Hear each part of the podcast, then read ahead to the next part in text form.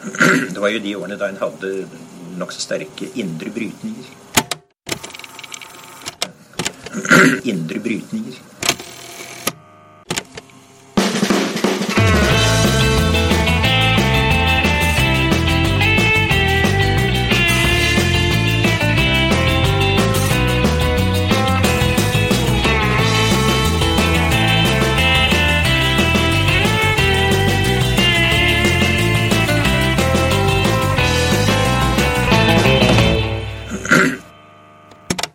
Velkommen tilbake til Noen har eh, snakket sammen. Eh, Mitt navn er Tiril Tristan Halvorsen. Jeg heter Halvor Tretvold. Hei. Hallo. Jeg har vært eh, på tur i en uke, helt siden sist vi spilte inn, faktisk.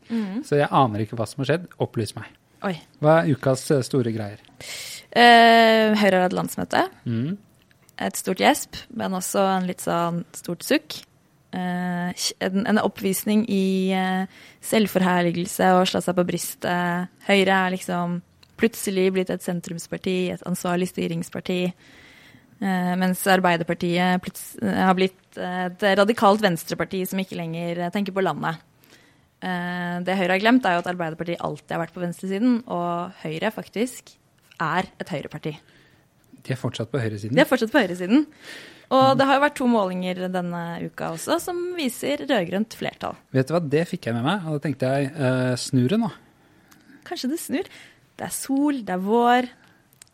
Jeg er positiv. Ja, jeg håper det er mer enn et eh, blaff, men det som også var litt sånn interessant med først med Høyrelandsmøtet, for det er ikke helt sant at jeg ikke har lest noen norske nettaviser mens jeg har vært borte, for det har jeg jo. Det ante meg, ja. Eh, og det er jo det at um, vedtaket på Høyrelandsmøtet om å liberalisere bioteknologitingene Mm. eh, tar jo på en måte bort et argument for eh, KrF eh, til å klistre seg til borgerlig side. Ja. Det er ikke sånn det er noe argument for at de skal skifte side, fordi eh, Arbeiderpartiet er jo vel så liberale. Men det er et argument mindre for å bli, kanskje. Det gjør det nok litt eh, mindre fristende, ja. Og så kan man si, spiller det noen rolle lenger? Eh, for de er jo under sperregrensa på de to målingene du nevnte, ja sammen med Venstre. Eh, på den siste målingen til TV 2 så hadde jo Rødt dobbelt så høy oppslutning som Venstre. Og når Venstre er under sperregrensen og Rødt over, så har det ganske mye å si for mandatfordelingen. Det er jo interessant at det er et sånt, på disse målingene, da, et skifte av flertallet på Stortinget. Men det er også en sånn at det kan bli krevende å få et eventuelt nytt sånt sentrum-venstre-prosjekt til å henge sammen. Særlig hvis, eh, hvis Rødt skal være så svære. Mm. Han Bjørnar Moxnes sa vel noe sånt som eh, nå skal Støre få kjørt seg. Eller noe sånt. Eh, en annen ting som hører våren til, er jo lønnsoppgjøret. Nettopp. Ja, som Det var varsla storstreik, men 15 timer på overtid så ble de enige. Og at det er 15 timer på overtid, det er vel egentlig ikke noe dramatisk. Det går jo alltid på overtid hvis det skal være snakk om liksom reelle forhandlinger. Så må sånn det skal jo være. stå noe på spill. Mhm. Um, Men så og- tok de vel ut av kabalen det vanskeligste spørsmålet til slutt, for at de skulle bli enige. Ja. De eh, sendte AFP-knuta over til eh, regjeringen med spørsmål om egentlig litt mer penger, tror jeg, til å få til en overgang der. Mm. Men noen eh, litt sånn kinkige hull i den ordningen har de ordnet, da. Ok. Og i tillegg så Ja, lønnsoppgjøret handler jo litt om at du og jeg skal få høyere lønn. Holde i takt med kjøpekraften, og kanskje til og med øke den litt. Som lite grann nå, men fortsatt ifølge SSB så det laveste eh, lønnsveksten målt siden 1990 eller noe sånt. Med Ja, okay. unntak av fjoråret, som var negativ. Ja, ikke sant. Fordi det, det handler jo om økonomien vokser. Hvordan skal man fordele den veksten? På lønn eller på kapital, da, som man sier. De som eier. Mm. Hvem er det som skal få en del av den kaka? Og etter oljekrise og sånne ting, så har man jo hatt det man kaller moderate lønnsoppgjør, fordi de som jobber, skjønner at man kan ikke prise seg ut av um, Markedet, der ryker alt. sånn? Da kaster man babyen ut på badevannet. Sånn at Mm. det, det handler liksom om solidaritet da, med sine kolleger og de andre. At man tar moderate lønnsoppgjør. Og det, det er bra, men det kan ikke fortsette i en evighet heller. Nei, men Det funker Fordi- jo så lenge man i hvert fall øker kjøpekraften litt for litt år for år, liksom. Men hvis det blir mange år uten, Mm. så kan jeg tenke meg at det tærer på, da. Det tærer på. På den og- solidariteten, liksom. Ja. For det er jo ikke sånn at uh, de på toppen har tatt så mye av den kaka. andelen som går til lønn av hele veksten, blir lavere og lavere. Ja, nettopp. Mm. Så rikingene får mer. Det går mer til profitt og mindre til lønn. Så stå på krava. Ja, Men det virker som at eh, LO er fornøyd, og det er blitt eh, sånn såkalt lavtlønnstillegg også for de som tjener minst. Nettopp. Mange har sikkert også fulgt med på det som har skjedd i Trøndelag.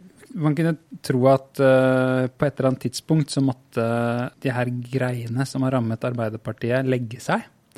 Eh, og eh, en eller annen stabilitet liksom Man må liksom treffe bunnplanken, sånn at man kan begynne å smi sammen igjen alle de relasjonene som er blitt vanskelige og sånn, som vi har hørt om tidligere på podkasten.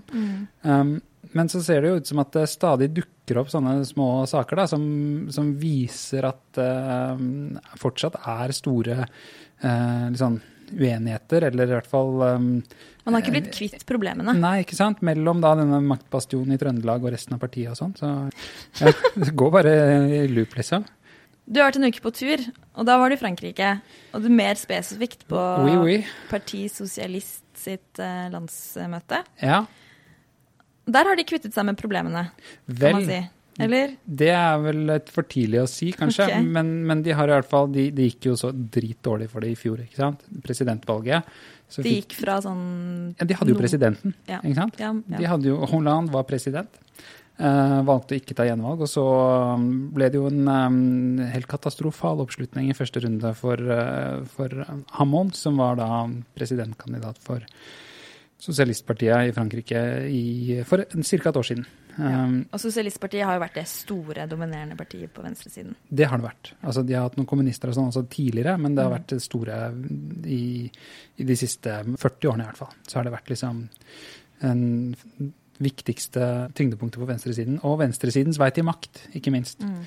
Um, og så fikk de da eh, 6% omtrent, og det er jo et kjempesjokk for et parti. Mm. Og så har de jo falt fra hverandre. ikke sant? Den e Hamon, som var presidentkandidat, det første han gjorde etter valget, var jo å stifte sin egen bevegelse, gikk ut av partiet. Og før det så var det eh, en av de som tapte i primærvalget, gikk ut. Og så har det liksom stadig vært profilerte personer som har forsvunnet. Macron kom vel også fra Sosialistpartiet? Ja, eh, og han gjorde det, han også. Og også historisk eller lenger tilbake, han som er eh, på ytre venstre, Melanchon. Um, Ja. Sånn at dette er jo over tid fragmentert veldig, da. Mm. Den første dagen på landsmøtet, som var veldig preget av um, å um, fortelle hverandre og utenfor verden noen sånne helt basale ting, virket det som på meg. Som at uh, vi som er her nå, vi er uh, sosialister. Vi står på partiets grunn. Og det var en, nesten litt sånn parodisk hvor mange som skulle opp og si uh, omtrent det samme. Nå er vi gjenfødt som parti og sånn. Denne kongressen ble kalt en gjenfødelseskongress, eller uh, renessanse, da, som jo er eh, fransk for det. Og, og da forsto jeg først egentlig etter litt tid at det dette handlet om, det var at partiet hadde vært gjennom en så, liksom, så stort sjokk at de måtte erklære dette for hverandre, nærmest sånn, liksom et slags ritual, for å forsøke å forsikre seg om at ok, nå, vi som er her i hvert fall, vi er nå med i dette partiet. Og vi kommer til å stå på, på det partiets grunn.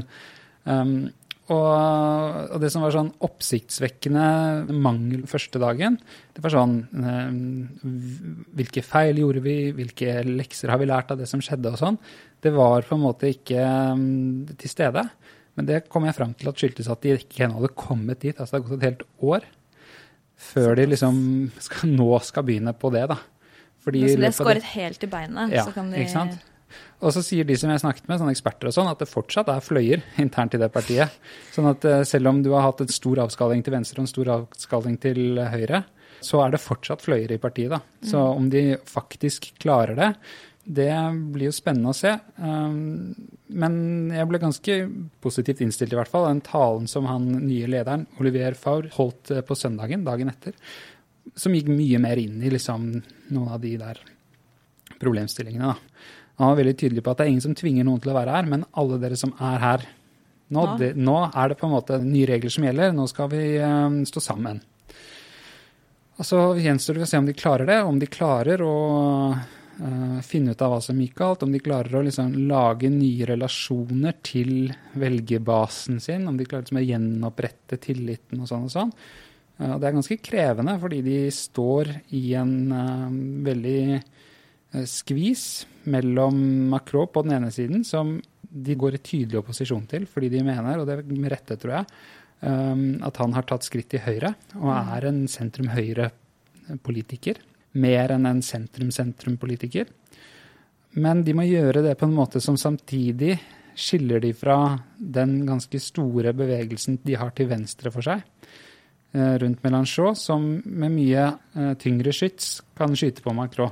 Så hvordan de skal liksom klare å skaffe seg en, eh, et større rom igjen mellom mm. de to størrelsene der, sånn, det kommer til å bli ganske krevende. Det høres jo litt likt ut, det Arbeiderpartiet står overfor? Ja, det, det, er jo noen fellestrekk mellom de utfordringene som alle disse partiene mm, i Europa møter. Uh, mener nå jeg, da, Dere har reist litt rundt og sjekket ut. Ja. Um, men det er også noen spesielle franske ting. altså. For F.eks. så vil jeg nok tro at den eh, persondyrkelsen henger sammen med det at de har en sånn personfokusert eh, valg president, for president og sånn. At det også forplanter seg inn i primærvalgene, inn i partiene og sånn. Og det er medvirkende til å forklare noe av de splittelsene, det tror jeg nok. Og så er det jo også den her tilsynelatende kollapsen i relasjonen mellom partiet og folk flest. Og en slags sånn, noen sosiale grupper som de kan basere seg på. og Der også det franske partiet skiller seg veldig fra f.eks. Arbeiderpartiet, er jo at de har null connection til fagforeningen. Det er, eh, For det første så er fagforeningsgraden i Frankrike liksom 9% eller noe sånt. 8-9% Veldig lavt. For det andre så er det åtte forskjellige fagforeninger.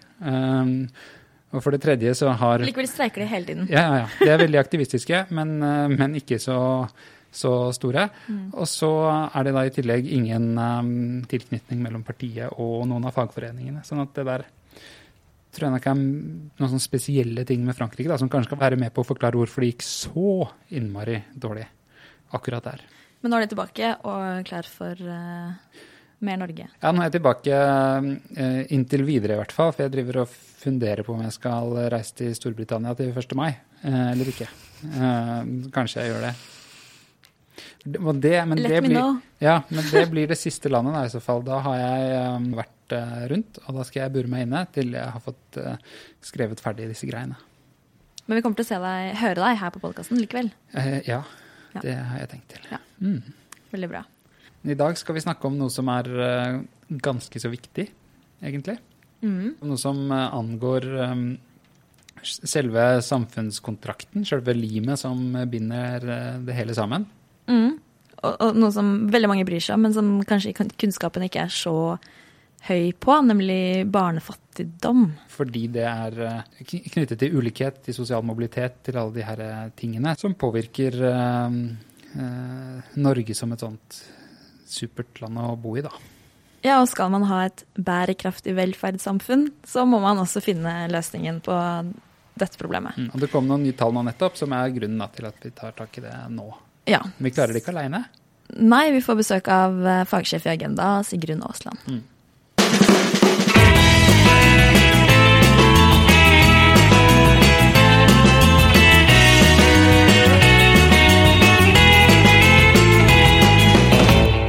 Vi jobber jo mye med ulikhet i Agenda, vi, for vi mener at det er et av de store spørsmålene mm. som vi må finne en løsning på. Og nye tall fra SSB viser at andelen um, barn som vokser opp i det de kaller vedvarende lavinntekt, er økende i Norge. Og nå er det over 100 000 barn som er det vi kaller fattige i Norge. Uh, og for å snakke med oss om dette, da, så har vi fått med oss Sigrun Aasland, som er fagsjef i Agenda, i studio. Skriver også bok om barndom og hvordan det påvirker eh, livene våre videre. Eh, velkommen, eh, Sigrun. Bonjour til deg også. Bonjour, tusen takk. Hvorfor er barnefattigdom viktig å snakke om noe i det store spørsmålet om ulikhet? Barnefattigdom, og vi kaller det barnefattigdom, da, for vi kan ikke sitte og si barn som vokser opp i vedvarende lavinntektsfamilier. Nei, det det er fordi bare tåle.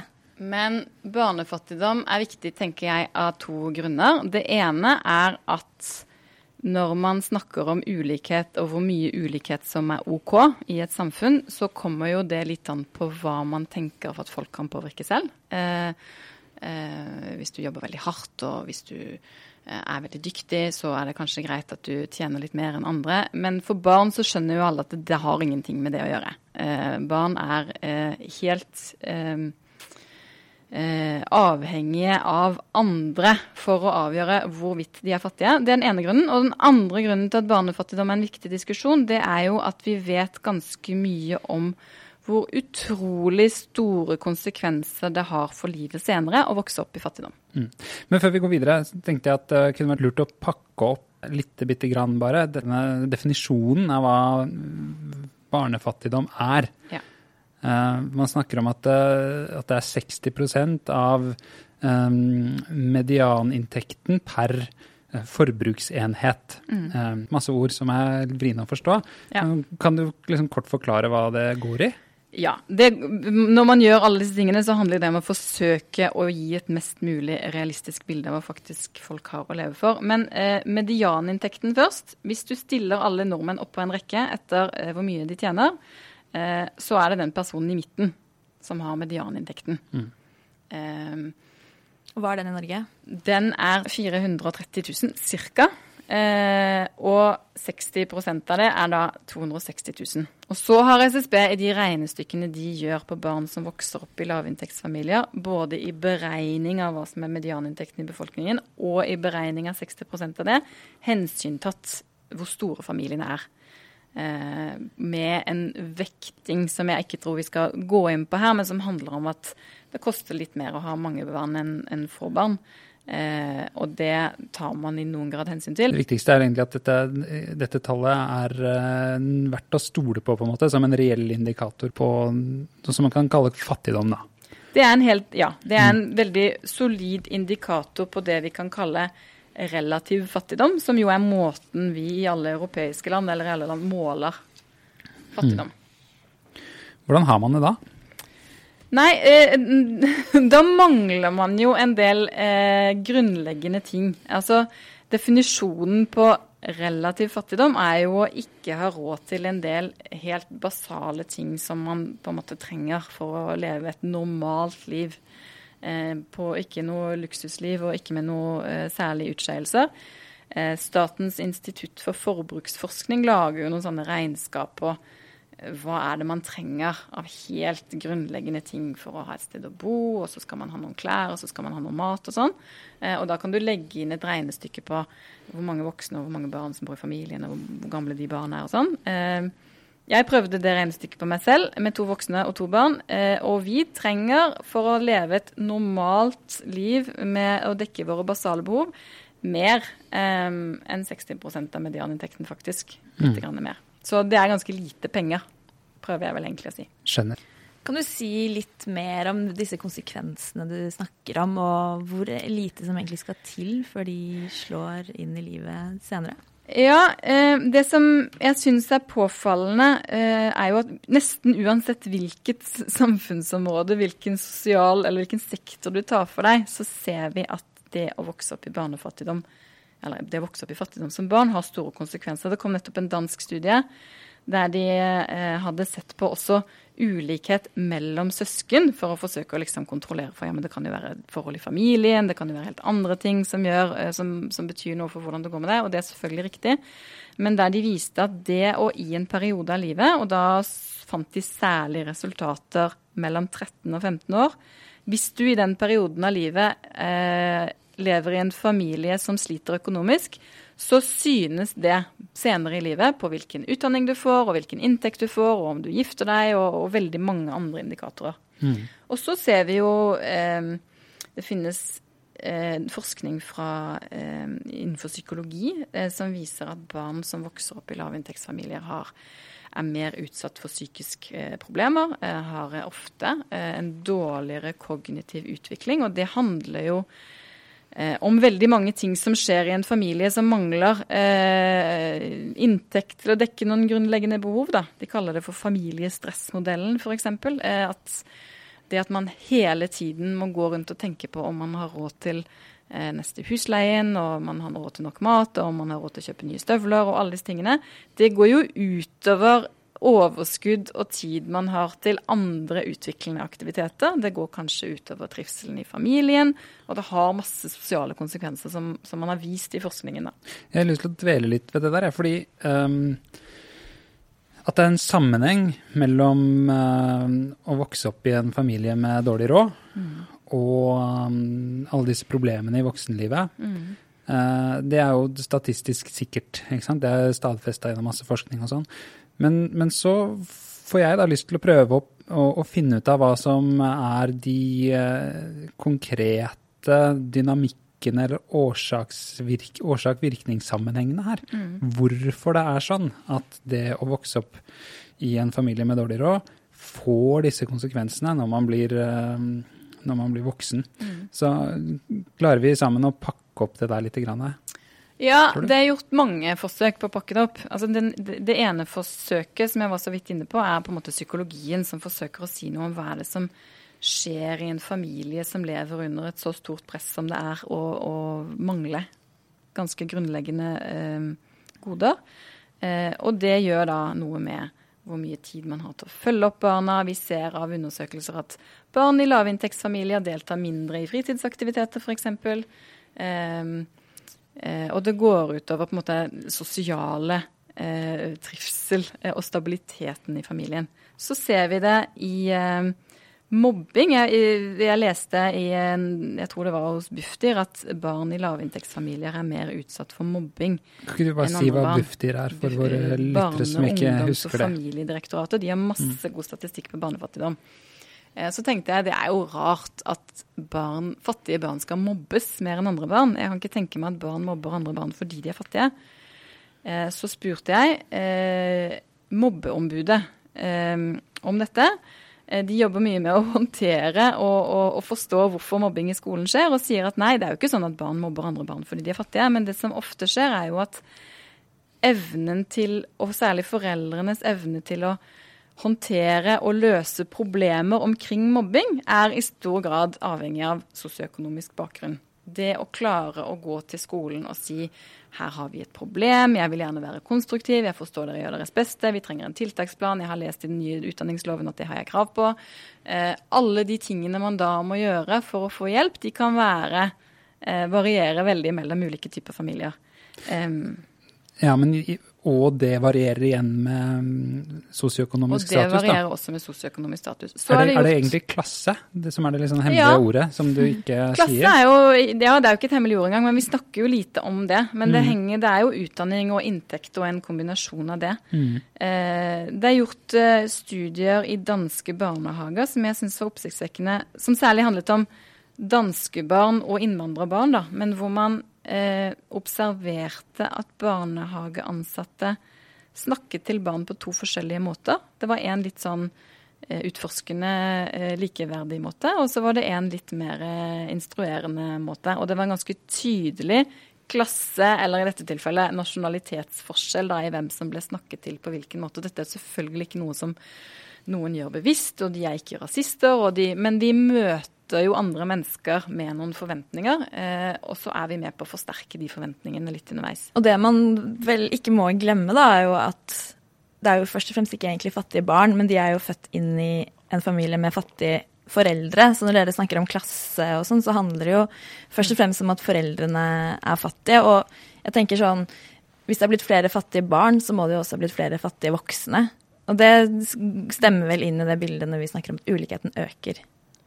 Ja, fattige barn er jo selvfølgelig barn av fattige voksne. Det, må, det er veldig lett å glemme den diskusjonen. Vi begynner mm. å snakke om sånn barnetiltak. Ja. gjøre mer for barn. Ja, det kan vi godt gjøre, men fattige barn er først og fremst fattige fordi foreldrene mangler jobb eller inntekt. Det er jo kjempeviktig å ikke glemme. Mm. Og inntektsforskjellene har økt. Det høres jo litt håpløst ut for disse barna, på en måte. De har blitt født i en familie med fattige voksne, og så kanskje politikerne kommer med noen tiltak mot, rettet mot barna, eller kanskje aktivitetsplikt mot foreldrene for å motta gratis kjernetid i barnehage eller et eller annet sånt. Uh, er, det, er, det, liksom så enkelt og så vanskelig, eller? Nei. Uh, eller det, det, er så, det, er ikke så, enkelt, heldigvis. Um, det betyr veldig mye hvem som er foreldrene dine. Og det er jo en, en ting i livet som du har ingen innflytelse på. Um, så er det jo også forskning som tyder på at det er andre ting også i oppveksten som betyr ganske mye for hvordan det går med deg, heldigvis. Um, Raj Chetty, som er en amerikansk forsker på sosial mobilitet, som vi hadde på besøk her i, for to år siden omtrent, har gjort et kjempestort arbeid med å kartlegge sosial mobilitet i USA. Og liksom For å forklare det litt enkelt, så deler han befolkningen inn i fem etter inntekt. Eh, og så er sosial mobilitet sannsynligheten fra å bevege seg eh, fra et sted i den rangeringen på fem til et annet. Uavhengig av om det er opp eller ned? Eh, så hvis du har perfekt sosial ja. mobilitet, ja. Mm. Hvis du har perfekt sosial mobilitet, så er det liksom 20% sjanse for å havne hvor som helst på den skalaen. Eh, fordi det er en femdel av befolkningen på hvert trinn i den skalaen, da. 20 okay. er en femdel av befolkningen. Eh, og så eh, er det jo ikke sånn, eh, fordi det er jo, betyr ganske mye hvem foreldrene dine er. Men det som kanskje var mer interessant med Chet i studiet, for han gikk ned på helt sånn county-nivå i USA. og så Her er den sosiale mobiliteten sånn, og her er den sånn. Og det var veldig store variasjoner i hvor avhengig man var av foreldrenes inntekt. Så det han da gjorde, var å se ja, hva er det da som samvarierer med disse mulighetene eller ikke-mulighetene. Uh, og det var ting som skole, det var ting som sosiale nettverk, grad av segregering i nabolaget du vokste opp i. Uh, og han gjorde også et studie av det som alle, sånne, alle statsvitere elsker, et naturlig eksperiment. Der man på en måte kan Det hadde blitt gjennomført et prosjekt noen år tidligere der noen lavinntektsfamilier hadde fått penger til å flytte til rikere nabolag. Og så skulle man jo da gi de større muligheter, fordi disse barna skulle få vokse opp i et bedre nabolag. Eh, og tidligere evalueringer av det prosjektet hadde vist at det ikke hadde noe særlig effekt, så man hadde avsluttet det. Og så gikk Chetty og hans kollega inn og sa ja, men hva om vi deler dette inn på hvor gamle barna var da de flyttet? Og da fant de kjempetydelige resultater på at hvis du som barn før fylte 13 år flyttet til et mer velstående nabolag, så økte dine sosiale og økonomiske muligheter i livet ganske betraktelig. Mm. Og det er gjort lignende studier i Norge. En veldig interessant en eh, av eh, Jørn Ljunggren og Maren Toft på Universitetet i Oslo, som har sett på eh, barn og unge vokst opp i Oslo på 80-tallet, og viser at selvfølgelig er utdanning og inntekt senere i livet i veldig stor grad avhengig av hvem foreldrene dine er. Men hvis du f.eks. har vokst opp i et nabolag der det finnes andre foreldre med høy utdanning og inntekt, så kan det i veldig stor grad korrigere da, for det utgangspunktet du hadde. Så hvis du har noen andre voksne rundt deg som viser vei, eller hjelper deg med leksene, eller bare er et eksempel, mm. eh, så har det også betydning for den sosiale mobiliteten.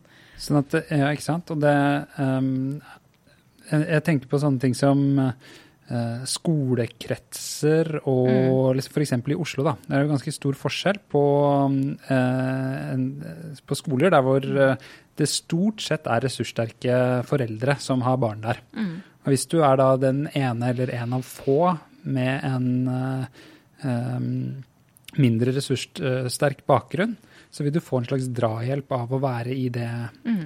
miljøet. Og det de også fant, var de rike barna som bodde der fra før, eh, hadde ingen ulempe. Av det var ikke sånn at de ble trukket nei, ned av at mm. de fattige barna kom inn. Så det må være en eller annen sånn kritisk masse av vellykka folk for at også, Ja, det må være med å blande liksom. nabolag, mm. antagelig. Da. Og det altså kan man si, man kan si at det handler om skolekretser, men, men det er klart Ja, og boligpriser, for de, de to tingene henger jo mm. sammen. Da. Sånn ja. at hvis det er en uh, god skolekrets, så blir uh, det dritdyrt å bo der. Mm. Og da får du jo reprodusert en sånn uh, form for sosial ja, og med den boligprisveksten vi har hatt, sant, så, mm. så, har vi jo fått enda større forskjeller på pris i ulike bydeler i Oslo f.eks. Og det gjør jo at folk bor mer segregert, og det kan også komme til å gjøre noe med sosial mobilitet. Mm. Dette er vel kanskje noe av bakgrunnen for at byrådet har begynt å selge, seg en, selge sosial, eller kommunalt eide boliger på østkanten og mm. kjøpe flere på, i Frogner bydel f.eks. Kanskje de har lest Kanskje dere... og Maren Toft. Da blir det jo et slags sånn eh, viltlotteri, da, hvis du er så heldig at um, kommunen uh, tildeler deg en sosial bolig i en sånn velstående og ressurssterk uh, skolekrets. Så uh, er det på en måte en slags eh, billett til eh, sosial mobilitet for eh, ungene. Mens du, hvis du havner på motsatt side av byen, så er det kanskje, blir resultatet heller en reproduksjon av. En billett på samme måten som de rike barna som ble født der i utgangspunktet har, da. Jo, Mm. Og så letter det jo på trykket da, i der hvor de flytter fra. Det blir jo færre ressurssvake i det området man har flytta fra også. Mm. Da blir det mer penger, kan man kanskje tenke, da. Ja, jeg tenker i hvert man fall at det liksom, sånne, sånne funn sier oss, er jo at eh, foreldres bakgrunn betyr utrolig mye. Eh, tidlig oppvekst betyr utrolig mye. Men selv om du kommer fra en familie med foreldre som har lav inntekt eller kanskje ikke har jobb, så finnes det ganske mange ting politikken kan gjøre med det. da. Så hvilken skole vi da har, om vi har barnehageplass til alle, om vi, eh, hvordan vi bor og hvor dyre boligene er. Alt dette betyr jo noe for hvor, måte, eh, hvor avgjort din skjebne er i det du blir født. da. La oss snakke om tiltak, da. Hva som eh, kan virke. Ja, eh, det første jeg tenker er jo liksom det som Tiril var inne på i stad. at Fattige barn er jo fattige fordi foreldrene er fattige. Eh, vi har en ganske tydelig utvikling i retning av økte lønnsforskjeller. De som tjener minst i privat sektor i Norge, har nesten ikke hatt noe lønnsvekst de siste ti årene. Eh, vi har en økende andel unge mennesker som ikke har jobb og heller ikke går på skole. De er for øvrig også i stor grad barn av foreldre uten høy utdanning og inntekt. Ehm, så det å eh, få, sørge for at det finnes jobb og en ordentlig lønn til voksne, er jo et veldig godt tiltak mot barnefattigdom.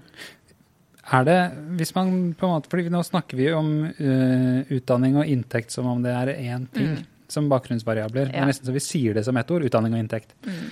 Men det er jo to forskjellige ting. Ja. Og øh, hvis man prøver å isolere effekten av det ene versus det andre, på disse tingene vi snakker om her, da, hvor godt Mm. det går en seinere i livet, Mm. vet du om det er eh, penga eller eh, den kulturelle kapitalen eller utdanningsnivået til foreldrene som har størst eh, betydning? Jeg vet ikke hvilken som har størst, men det er jo ulike studier som bruker ulike variabler. Da. Sånn som den studien fra Danmark på om fattigdom i barndommen påvirker deg. Der var det bare inntekt man så på. Ja. Eh, på skoleresultater så er det som oftest foreldres utdanningsnivå vi eh, har kunnskap om, med noen unntak. Mm, ja. Vi aksepterer det, at eh, det, det er en egen effekt av det å liksom skape en eh, jevnere fordeling av velstand mellom voksne. Ikke sant? Som var Ja. tiltakene vi snakket om, at det har en Så finnes det jo andre konkrete Ja. tiltak som handler mer om barn. mm, som man kan eh, En ting som jo er litt sånn paradoksalt i Norge, er at vi har gratis høyere utdanning og ikke gratis barnehage, f.eks. Når vi vet at eh, det å gå i barnehage har utrolig store konsekvenser for språkferdighetene når du begynner på skolen, som har veldig store konsekvenser for hvordan du klarer deg, hvordan du da blir møtt av lærerne, og hvordan du etter hvert klarer deg. Um, det koster ikke så mye å gå i barnehage i Norge, det er en liten egenandel. Men de som da ikke gjør det, er jo antagelig de som trenger det mest. Um, er de som ikke har heller de 2000 kronene det koster, da. Hø- hører liksom ofte at eh, når man skal bekjempe barnefattigdom og egentlig ulikhet også, fra mange politikere og partier, så er det liksom utdanning er det ene saliggjørende som skal eh, hjelpe og redde alle. Hva, det høres også veldig enkelt ut. Hva hva er det som Ja, så må man jo spørre seg hva slags utdanning, da. mm, Men øh, eh, mange kommer nok til å trenge Altså mange flere kommer til å trenge utdanning, men på nye måter og gjennom hele livet. Og vi, vi trenger et arbeidsliv der eh, flere kan lære mer gjennom hele livet og sånn. Men det er, måte, det er jo kanskje en annen diskusjon. Men, men utdanning er jo ikke noe svar i seg selv, fordi det kan være så veldig mye. Vi har en kjempegod skole i Norge, men eh, det kan hende at vi ikke lykkes godt nok med å utjevne forskjeller i skolen. Mye tyder på det. Eh, vi har et kjempegodt utbygd barnehagetilbud, men vi har ikke klart å få med alle i det. Det er noen som ikke blir med, og det er de som har lavest inntekt. Eh, Vi har jo fortsatt en ganske sånn tydelig sosial profil i høyere utdanning, som, som viser at det, det kommer fortsatt litt an på hvem foreldrene dine er. Så utdanning, punktum, er jo i hvert fall ikke noen løsning, da. Men det å gå inn i skolen og i barnehagene og se hvordan kan vi der bedre utjevne forskjeller, tenker jeg eh, er viktig. Man, og da er argumentet at man må begynne tidligere enn i dag. altså Det at, mm. at altså det er noe skeivt i måten vi tenker på når høyere utdanning er uh, gratis, mens det ikke er gratis å, å ta ungene i barnehagen. Fordi så mye på en måte setter seg allerede der, da. Ja, og så enda tidligere. Ja. Eh, det var jo eh, et parti i valgkampen som hadde slagordet 'alt begynner i skolen', og det er jo helt feil. Eh, alt begynner jo ikke i skolen, det begynner jo i magen antagelig. Eh, ja. Så det som, hvis vi skal liksom gå enda lenger tilbake, så er det jo sånn at de første årene av livet vårt så utvikler hjernen seg helt vanvittig mye. Tredobles eller noe sånt de første årene. Alle mennesker er innstilt fysisk nesten på å tilknytte seg de voksne man har i sin umiddelbare nærhet som nyfødte. For det er vi helt avhengig av. Mm. Vi må ha voksne for å spise og for å ikke alt. slå hodet og alt mulig. Eh, og det betyr at vi tilknytter oss de voksne som er der, og hva slags voksne det er. Om de har en god og stabil psykisk helse f.eks., er ekstremt avgjørende for hvordan hjernen utformes og på en måte rigges de første årene, og for hva slags tilknytning vi senere da evner å ha senere i livet. Og det er ganske mye forskning nå som på en måte er tydelig på den betydningen. Man snakker jo av og til liksom om at det er, det er uh, oppdragermåter som er uh, mm. mer uh, Som er bedre for ungene, rett og slett, enn ja. en andre. Eller i hvert fall bedre rustet til bedre i stand til å ruste dem til den verden vi faktisk lever i, da. Ja, ikke sant. Ja. Um, burde man liksom jeg, legge bedre til rette for at flere foreldre brukte de utdanningsmetodene som er eh, forskningsmessig, eh, som det er forskningsmessig belegg for at virker best for disse ungene? Kanskje burde man det. det er to eh, forskningsprosjekter, og de er amerikanske der, men som jeg syns er interessante. Og Det ene er en sosiolog som eh, gjorde en sånn ganske langvarig studie i deltakende studie i familier, der hun og hennes kollegaer liksom sa lat som vi er familiens hund, vi skal bare være med i bilen, sitte ved middagsbordet, men ikke snakke med oss og sånn, vi vil bare se. Eh, og så var de interessert i å finne ut hva slags ulike oppdragerstiler finnes. Og så fant de at det var egentlig bare to. Eh, det var eh, middelklassens barn som var eh, organiserte og ganske travle. De hadde mange aktiviteter, de ble kjørt rundt omkring og passet på og sånn. De ble veldig mye snakket med. Eh, og de ble spurt om hva gjorde du med det, og hva syns du om det, og hva, du med det, hva sa du til læreren din da du fikk det resultatet på den prøven, og skulle du utfordret det, og hva har du lyst til å spise, og hva har du lyst til å ha på deg, og hva tenker du om framtida, og sånn. Og det er ganske intens oppvekst. Eh, men de barna er også eh, får også en veldig god opplæring i å planlegge tid, utfordre institusjoner eh, og bryne seg på argumentasjon. Det er ting som man kommer godt med i livet. Du blir godt rusta på et vis. Ja, eh, hvis man skal Arbeiderklassens barn, da i dette tilfellet, eh, det er jo tydeligere kanskje også i USA enn det det er her hjemme, eh, hadde en oppvekst som var friere. De hadde mer fritid, gikk rundt i gata, lekte med naboene, de var mer sammen med familien, de som er på TV. Eh, og hadde også kanskje en mer sånn autoritær oppdragerkontekst. Du går og legger deg når far sier du skal gå og legge deg, og du gjør som du får beskjed om, og du gjør de leksene du har fått beskjed om å gjøre, og du stiller ikke noe spørsmål ved det. Mm.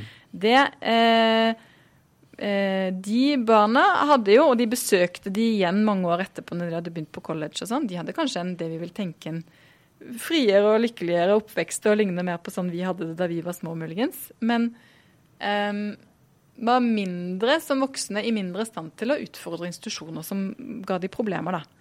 Mm. Ja, nei, jeg fikk ikke ta det faget, eller jeg fikk ikke det stipendet, eller jeg fikk ikke gå på den skolen. Nei vel, da er det sånn, da. Da skal jeg ikke stille noe spørsmål ved det. Da bare får jeg akseptere min skjebne.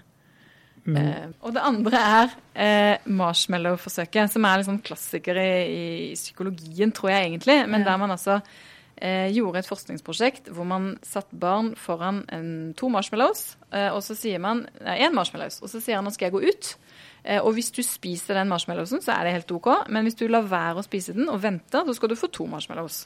Eh, og så eh, gjorde man tester på de samme barna mange år etterpå og fant ut at de barna som hadde liksom klart å holde tilbake, kontrollere seg selv, ikke spise marshmallowsen, men i stedet fått to, eh, det var barn som hadde klart seg bedre. De var mindre overvektige, de var, tjente mer penger, de hadde høyere utdanning og alt mulig. Og det har liksom vært et sånn eksempel på at evnen til selvkontroll er så viktig for hvordan man lykkes i livet. Og så var det noen forskere som gikk tilbake igjen og så nærmere på den studien og undersøkte litt hvem var egentlig disse barna, eh, og hvor rasjonelle eller irrasjonelle var de i det valget de tok, og fant ut at for noen barn så er det helt rasjonelt å spise den første marshmallowsen. F.eks. hvis du har erfaring med at voksne kan du ikke stole på, da må du spise den marshmallowsen. Eh, eller hvis du har eh, erfaring med at det er kanskje ikke nok til alle. Det gjelder å spise når man kan, for det er lenge til neste gang blir godteri. Mm. Um, så det det betydde, var jo egentlig at det var vel så mye som på en måte eh, medfødte evner til selvkontroll. Så handlet den eh, marshmallow-spisingen om hvilken sosial bakgrunn du kom fra. Og ikke overraskende var det jo da sånn at de som kom fra litt utrygge forhold eller litt dårlige eh, økonomiske forhold, de gjorde det litt dårligere senere i livet også. Kanskje ikke så mye fordi Men likevel det er et ganske sånn sterkt argument fra høyresida om at man skal sette noen grenser for hva, hva staten skal bry seg med. Ja. Og eh, bry seg med hvordan folk oppdrar ungene sine. Det er litt sånn å krysse en grense, da. Altså Hvis man ser bort ifra de helt åpenbare begrensningene som ligger der rundt mishandling og omsorgssvikt og, og sånne ting, så, så er det jo et Og det kan man jo mene ut ifra et sånn liberalt perspektiv. Eh, det skal være stort rom for å oppdra barn i, på ulikt vis. Da, at det er liksom privilegium som, som ligger til familien.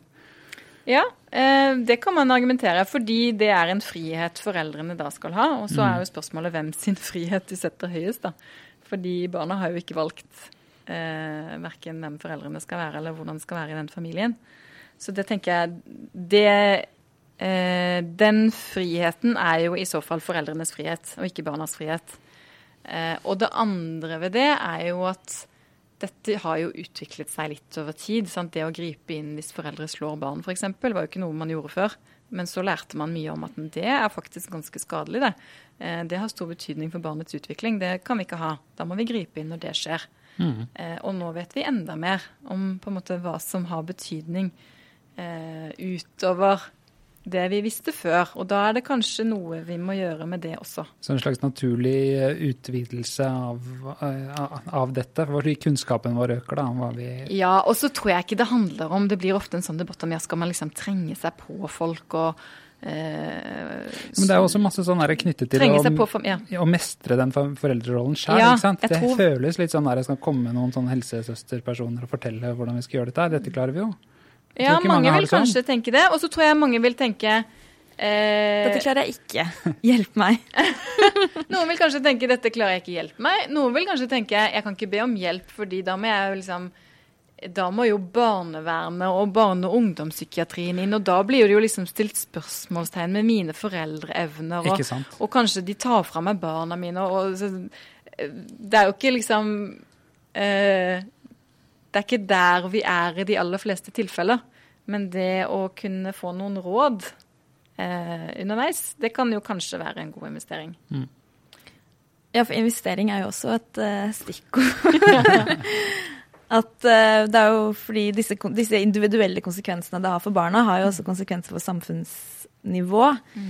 De, de går jo igjen i mange kjipe statistikker uh, på både kriminalitet og trygdestatistikker osv. osv.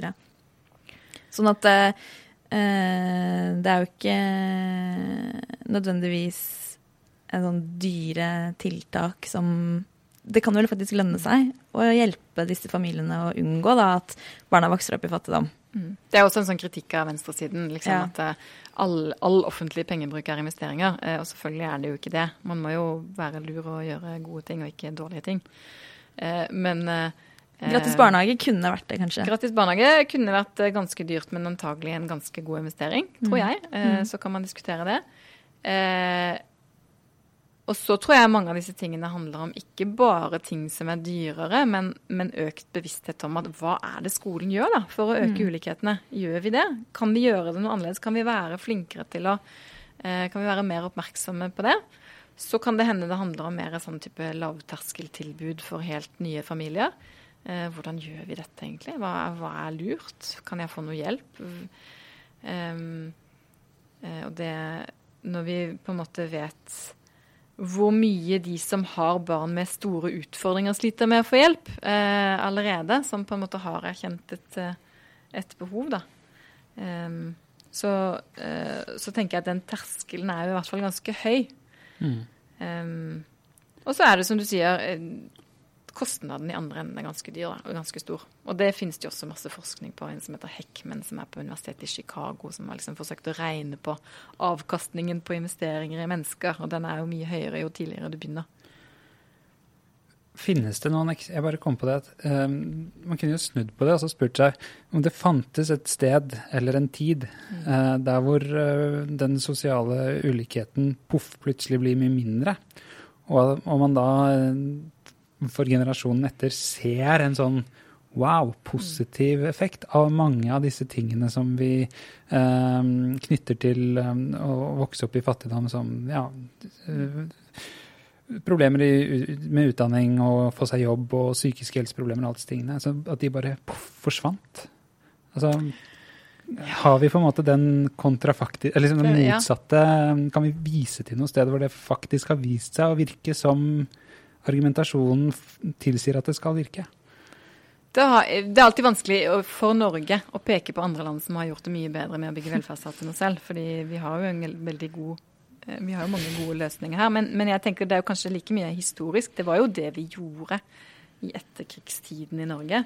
Bygget en stor velferdsstat. Eh, sørget for at alle skulle få gå på skole, gode helsetilbud. Løftet alle ut av det ytterste fattigdom. Eh, barnedødeligheten har gått ned, levealderen har gått opp. Alle sosiale indikatorer har jo blitt bedre.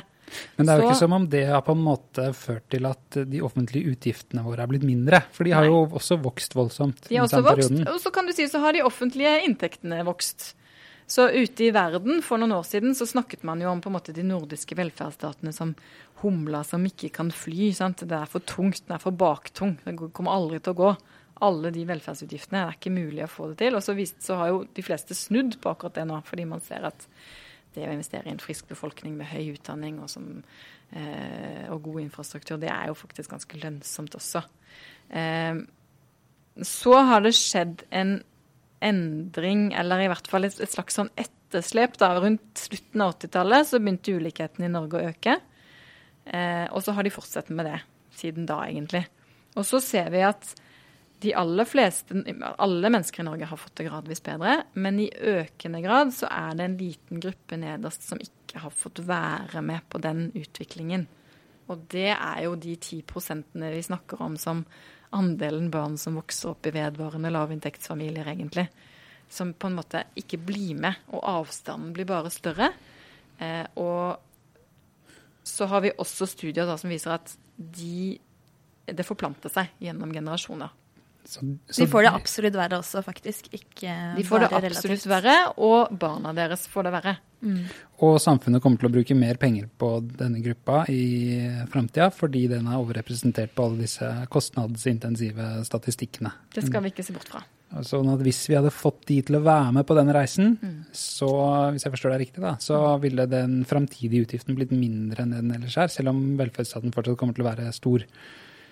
Ja. Og det er jo ikke bare min synsing. Altså det at økt ulikhet koster penger, det er det jo også regnet mye på. Nettopp. Det er ehm, Det er det ganske bred enighet om. Og særlig ja. utenforskap.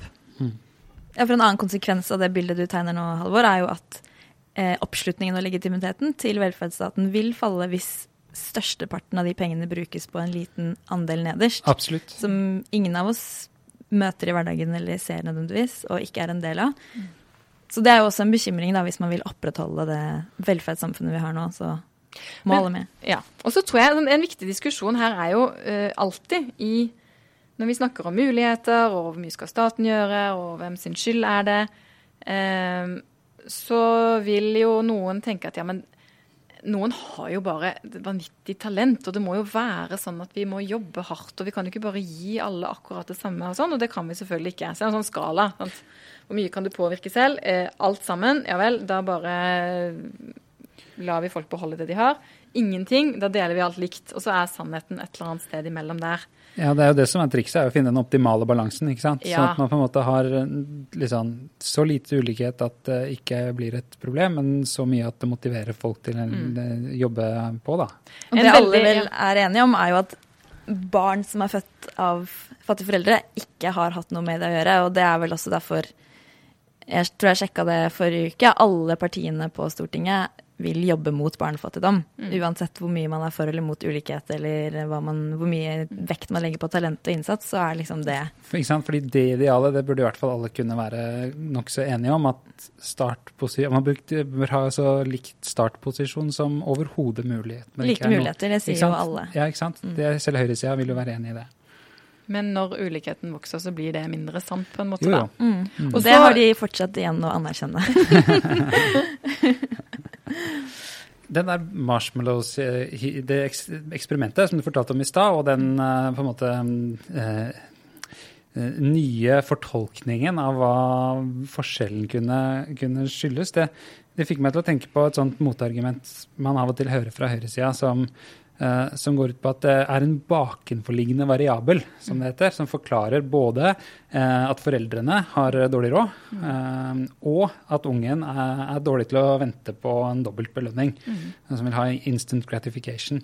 Og det er, handler kanskje om noen arvelige personlighetstrekk, da, eller noen, eh, noen ting som er ulikt fordelt i befolkningen. Um, og hvis det er tilfellet, at det er sånn at det samvarierer med at man ikke lykkes så godt der i livet, um, så er det kanskje litt sånn uh, usikkert hvor mye tiltak vil hjelpe, da.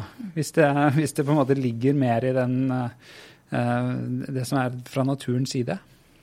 Ja, kan, Man kunne jo si det. sant? At ja, men noen kan jo ikke. Det må vi kanskje bare akseptere.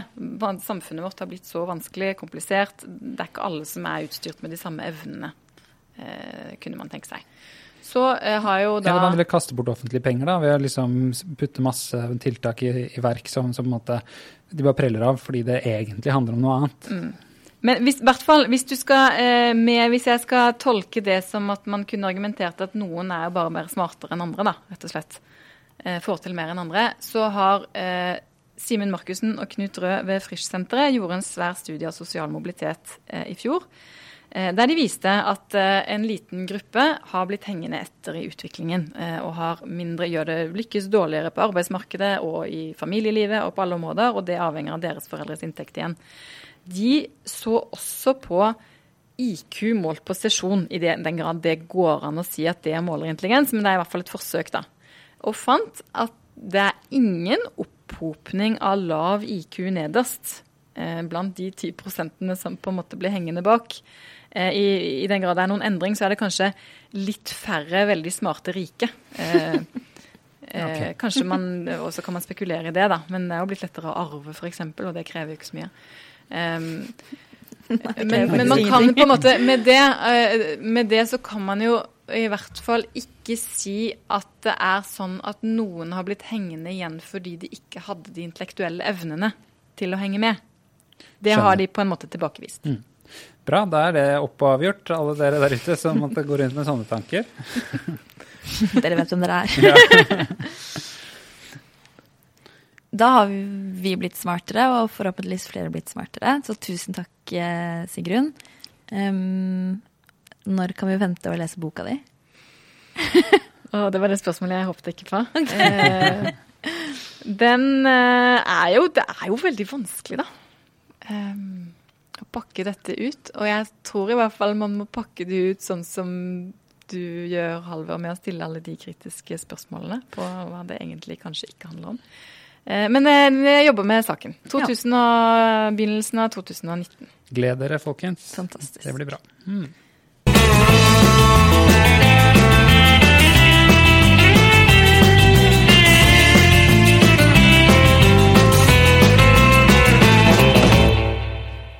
Hva skal du gjøre i helgen da, Halvor? Følge med på Venstre sitt landsmøte? Eh, Jeg skal rydde i boden eller finne på en annen unnskyldning for å gjøre noe helt annet, tror jeg. Mm, hva med deg? Skal på hytta. På hytta? Dugnad. Ikke, ikke verst. Um, jeg ble smartere av det her um, opplegget med ulikhet. Mm, gleder meg til å lese boka til uh, Sigrun. Men uh, før jeg gjør det, så skal jeg lede en debatt torsdag. Og hvis eh, dere hører podkasten etter det, så kan jeg jo anbefale at den legges ut på Tankes min agenda, har en sånn egen podkast. Løp og hør, som det heter. Løp og hør. Tankes min agenda, og så blir det lagt ut der sikkert i morgen. Nei, ja, fredag blir det. Ja, ikke sant. Og har du noe å selge denne uka? Det har jeg. Jeg har, jeg en eh, kjøpt en svær bok i eh, Paris som heter The Long 68 Radical Protest and Its Enemies. Eh, Den er skrevet av Richard Winan. Og det er ikke rydder boden, skal jeg lese litt i den, hadde jeg tenkt. Hmm, interessant.